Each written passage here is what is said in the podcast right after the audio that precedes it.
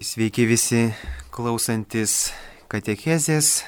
Norėjau pasidalinti mintimis, o tikrai labai svarbia viena iš tikėjimo tiesų, kur yra bažnyčia pripažinusi. Tikėjimo tiesa būtų apie skaistyklą, taigi tikrai, sako, yra vienas iš tų būvių po mirties, aišku, ant gamtinė tikrovė tai būtų skaistykla, aišku. Būvis laikinas, kad, aišku, būtų galima pasiekti dangų. Esu jumis šitoj katechezijai, kunigas Valdas Šidlauskas, dirbantis parapijoje, taip pat aišku besidomintis kaip ir jūs įvairiais dvasiniais dalykais. Skaistikla dar vadinama galutiniu nuskaistinimu. Tie, kurie miršta Dievo malonėje ir draugystėje, tačiau nepakankamai nuskaistinti, nors ir yra tikri dėl savo amžinojo išganimo, po mirties kentėdami nusiskaistina kol taps tokie šventi, jog galės įeiti į dangaus džiaugsmą. Ta galutinį išrinktųjų nuskaisinimą, visiškai kitokį negu pasmerktųjų bausmė, bažnyčia vadina skaistikla. Bažnyčia išdėstė tikėjimo mokslą apie skaistiklą ypač Florencijos ir Tridento susirinkimuose. Bažnyčios tradicija, pasiremdama kai kuriais šventų rašto tekstais, tokiais kaip Pirmasis laiškas korintiečiams, pirmasis Petro laiškas kalba apie nuskaistinančią ugnį.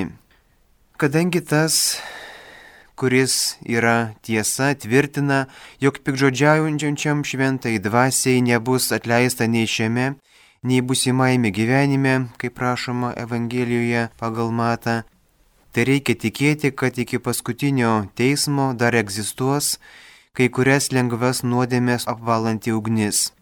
Tas švento rašto posakis leidžia suprasti, kad vienos kalties gali būti atleistos šitame, kitos busimaime gyvenime.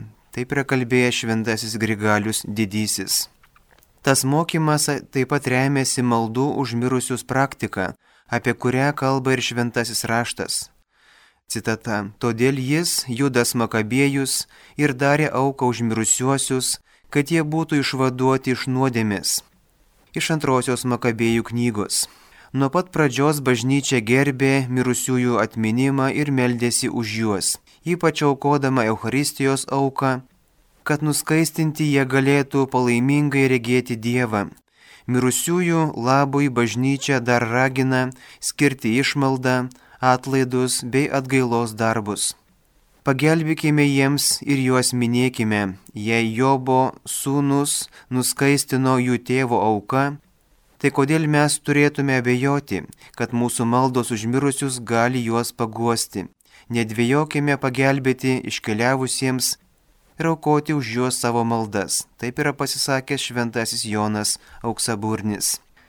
Šventoji Kotryna Genujėtė taip pat yra pasisakiusi apie skaistyklą yra netgi parašiusi traktatą apie skaistyklą, truputį apie Šventąją Kotryną Genujėtę.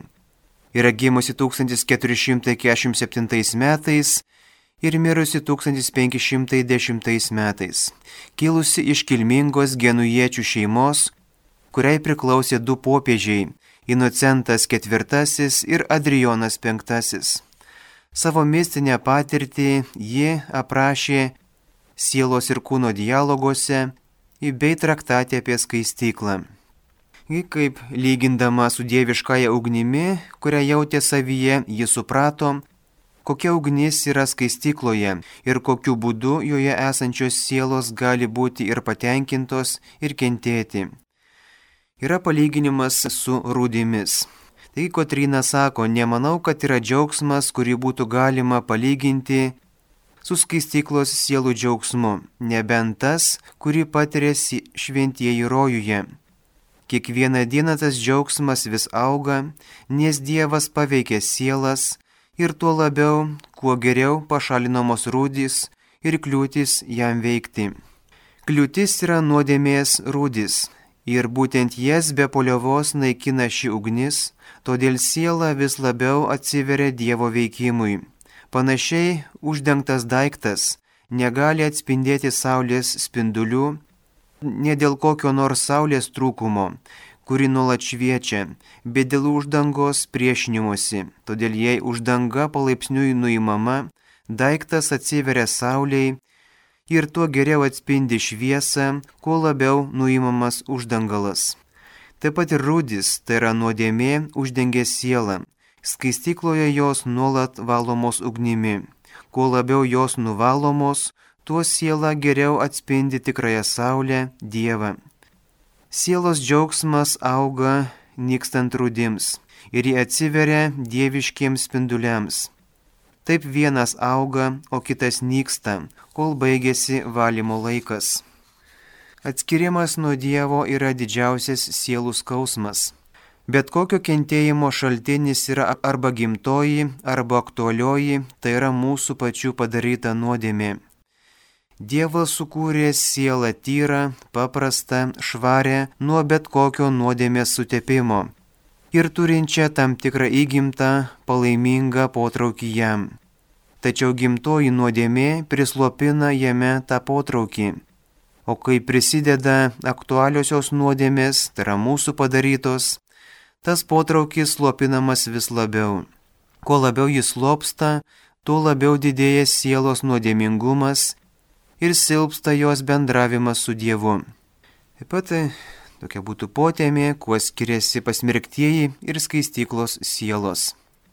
Kadangi skaistyklos sielos yra be nuodėmės kalties, nebėra kliučių tarp jų ir Dievo išskyrus kančią, kuri jas sulaiko, todėl jų troškimas negali pasiekti tobulybės. Kadangi pasmerktieji paliko šį gyvenimą su bloga valia, jų nuodėmė jiems nebuvo atleista ir negali būti atleista, nes perėję iš šio gyvenimo jie nebegali pakeisti valios. Po mirties siela įsitvirtina gėryje arba blogyje, kurį pasirinko laisva valia. Kaip yra parašyta, latiniškas posakis ubi te invenero, tai yra kur tave rasiu, tai reiškia, ar mirties valanda žmogaus valia buvo atsigręžusi į nuodėmę, ar nepatenkinta ir apimta gailėšio dėl nuodėmės. Ibi te judikabo, ten tave ir teisiu. Nuo to nuosprendžio jau nėra atleidimo, nes po mirties laisva valia jau nebegali apsigalvoti yra įsitvirtinusi tame nusistatymė, kokiame ją užklupo mirtis. Mirtis užklupo pasmerktųjų pragarui valią atsigręžusią į nuodėmę, todėl jie amžinai nešioja savo kaltę bei bausmę savyje, nors ir ši bausmė nėra tokia didelė, kokios jie užsitarnavo, bet vis dėlto ji yra amžina. Kita vertus, sielos skaistykloje kenčia tik tai bausmė, kadangi jų kaltė buvo ištrinta mirties momentu, kuri jas užtiko neapkenčiančią savo nuodėmių ir atgailaujančias, kad įžeidė Dievo gerumą. Ši bausmė turi pabaigą ir nuolat mažėja laiko atžvilgių, kaip sakyta. Apvalytos nuo nuodėmės skaistyklos sielos su džiaugsmu atlieka bausmę sielų skaistykloje valia visiškai sutampa su Dievo valia. Dievas rodo joms savo gerumą, o jos yra visiškai patenkintos ir apvalomos nuo kalties užgimtai ir aktualiasias nuodėmis. Taip sielos tampa tokios skaiščios, kaip Dievas jas buvo sukūręs, kadangi jos išėjo iš šio gyvenimo bjaurėdamosi atliktomis nuodėmėmis ir jas išpažinusios, trokšdamos jų daugiau nedaryti, Dievas joms to jau atleido kaltę. Lieka vien tik nuodėmės rūdis, kurios turi būti nuvalytos ugnies bausme. Taip nuskaistintos nuo kalties ir susivienijusios su Dievo valia, jos aiškiai mato Dievą tiek, kiek jis leidžia joms jį pažinti. Jos supranta, kokia laimė yra gerėtis Dievu ir kad sielos yra sukurtos šiam tikslui apie karštą Dievo troškimą, kurio dega skaistyklos sielos. Dievo esmė yra pats tyrumas ir nesuteptumas, daug labiau nei jį galima įsivaizduoti, ir kad siela, turėdama savyje tiek daug netobulumų, ar net menkiausia jų šešėlį, verčiau norėtų pulti į tūkstantį pragarų, nei atsistoti Dievo didybės akivaizdoje, nors truputį sutepta. Matydama, kad skaistikla yra skirta, kad ją apvalytų nuo tų dėmių, siela pati veržiasi į ją, kad rastų didžiulį gailestingumą, kuris gali ją išvaduoti nuo tos kliūties. apie skaistyklos baisumą. Kokia svarbi yra skaistykla, negali nei liežuvis išreikšti, nei protas suprasti. Galiu tai tik matyti, sako šventoji Kotrina Genujėtė, kad kančios joje tokios kaip pragare.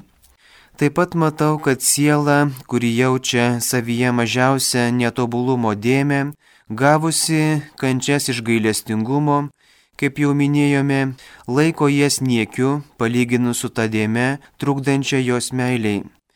Kaip man atrodo, sako šventoji Kotrina, jog didžiausias skaistikloje esančių sielų kentėjimas yra matyti savyje dalykus, nepatinkančius Dievui, kuriuos ji laisva valia padarė prieš tokį gerumą.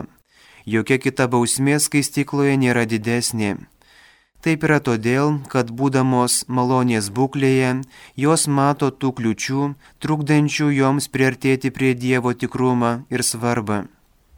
Kaip Dievo meilė traukia prie savęs šventasias sielas. Tarp sielos ir Dievo matau atitikimą, sako šventoji Kotrina Genujėtė. Kai jis regi ją nekaltybės būklėje, kokioje jo didybė ją sukūrė, Jis suteikia jai tokią karštą, traukiančios meilės jėgą, kad ji galėtų sunaikinti sielą, jei ši nebūtų nemirtinga. Ji taip perkeičiama į savo į Dievą, jog nebemato nieko kito tik Dievą, kuris ją be poliovos traukia ir skandina, ir nepaleidžia, kol netveda jos į tą būklę, iš kurios ji kadaise išėjo, tai yra į tobulą tyrumą, kuriame ji buvo sukurta. Kai siela vidiniu žvilgsniu pamato, kaip Dievas traukia ją link savęs liepsninga meilė, ji visai ištirpsta dėl to jos mylimo viešpaties ir Dievo užliejančios meilės karščio, kurį jaučia tekant į jos vidų. Šioje dieviškoje šviesoje ji taip pat mato, kaip Dievas nenuilstamai traukia ją į save ir meilingai veda į vidinį tobulumą Nulatos jie rūpinasi ir ją myli. Siela supranta, kad viešpats tai daro vien iš grinos meilės, o ji dėl nuodėmės kliučių negali eiti ten, kur traukia ta Dievo valia. Tai yra link to susivienijančio regėjimo, kuriuo Dievas ją traukia į save. Taip pat ji mato, kiek daug praranda, vėluodama matyti Dievo šviesybę ir tai sužadina joje instinktyvų troškimą išsivaduoti nuo pančių, kurie jai neleidžia pasiekti to suvienijančio regėjimo. Teigiu, sako šventoji Kotrina, kad tų dalykų matymas ir sukelia sielose kančią, kuri yra skaistykloje. Jos netiek paiso kančių, kurios yra tikrai didžiulės, kiek rūpinasi tuo priešingumu, kuri randa savyje prieš Dievo valią jos aiškiai mato, kad jis yra atsigręžęs į jas su begalinė ir tyra meilė. Ta meilė kartu su vienijančiu jo regėjimu nuolat traukė sielą taip stipriai, tarsi ji nieko daugiau nedarytų. Todėl jeigu siela, matydama šiuos dalykus, galėtų surasti kitą griežtesnę skaistyklą, kurioje galėtų greičiau pašalinti tą kliūtį, ji nedelsdama pasinertų į ją verčiama tos sielą su Dievu sujungiančios meilės jėgos. Kokiu būdu Dievas apvalo sielas? Palyginimas su auksu ir žaizdru. Dar matau, sako šventoji Kotrina Genujėtė, kad iš šios dieviškos meilės į sielą krenta tarsi spinduliai ir degantis žiburiai, kurie skvarbus ir galingi, jog atrodo, kad galėtų sunaikinti ne tik kūną, bet ir sielą, jei tai būtų įmanoma. Tie spinduliai turi dviejopą veikimą. Pirma - apvalanti, antra - naikinanti. Pažvelkime į auksą, kuo daugiau jisai lydomas, tuo tampa geresnis. Jį galima tiek lydyti, kad jame išnyktų bet koks netobulumas taip ir dieviška ugnis veikia sielą. Dievas laiko ją toje ugnyje tol, kol jį sunaikina visas dėmes. Kai jis atveda pas save taip apvalytą sielą, sielai jau nebeįmanoma kentėti, kadangi joje nebėra nieko, kas galėtų degti. Nors ji po nuskaistinimo ir liktų ugnyje, ji nejaustų jokio skausmo, nes Dievo meilės ugnis būtų jai tarsi amžinasis gyvenimas, laisvas nuo bet kokių kančių. Apie skaistyklos sielų džiaugsmą ir kančią. Reikia suprasti, jog tai, ką žmogus laiko tobulumu, Dievo akise yra trūkumas. Todėl visi dalykai, turintys tobulumo išvaizdą, tai, ką žmogus mato, jaučia, ko siekia, ko nori ir ką atsimena, jei juose net pažįstamas Dievas, jie visi tik sutepa ir suteršia. Iš tiesų ta Dievo meilė, užliejanti sielą, duoda jai tokį didį džiaugsmą, kad neįmanoma to išreikšti. Tačiau tas džiaugsmas, kurį jaučia skaistykloje esančios sielos, nepanaikina nei vienos kančių kibirkštėlės. Greičiau toji meilė, kuri yra sulaikoma ir sukelia joms kančią, ir tuo didesnė, kuo tobulesnė ta meilė, kuriai Dievas jas padarė pajėgės. Tuo būdu sielos skaistykloje kartu patiria didžiulį džiaugsmą ir didžiulę kančią, ir vienas dalykas netrukdo kitam. Čia ir būtų traktato apie skaistyklo pabaiga. Dabar trumpai malda didvyriškas meilės aktas. Skaistykloje kenčiančios vėlės yra didžiausi vargšai, kuriems labiausiai reikia mūsų pagalbos. Jos negali melstis už save, todėl jų baises kančias sutrumpinti galime tik tai mes gyvėjai. Daugelis šventųjų ragino atlikti didvyrišką meilės aktą, skirti toms vargšėms sieloms visų savo nuopelningų darbų ir kentėjimų vertę visus mūsų gaunamus atlaidus, taip pat visas maldas ir darbus, kurie skirti mūsų pačių sielai po mūsų mirties. Tai nereiškia, kad tokį aktą atlikusi siela pati turės daugiau kentėti skaistykloje. Priešingai, šis aktas yra be galo maloni dovana Dievui, kuri neliks netlyginta. Dangiškasis tėve, vienydamiesi su Jėzaus ir Marijos nuopelnais, mes aukojame tau už vargšės sielas skaistykloje visus savo gyvenimo nuopelningus darbus, taip pat visus darbus, kurie bus paukoti už mane po mano mirties. Šios darbus aš perduodu į nekaltosios mergelės Marijos rankas, kad ji pritaikytų juos toms sieloms, kurias jos išmintis ir motiniška meilė pirmiausia nori išvaduoti iš skaistyklos. Dieve, maloningai priimk šią auką ir padėk man kasdien aukti tavo malonėje per Kristų mūsų viešpati. Amen. Su jumis šitoj katechezijai dalinosi mintimis kunigas Valdas Šidlauskas, dirbantis parapijoje, taip pat aišku besidomintis kaip ir jūs įvairiais dvasiniais dalykais. Dėkoju visiems buvusiems kartu.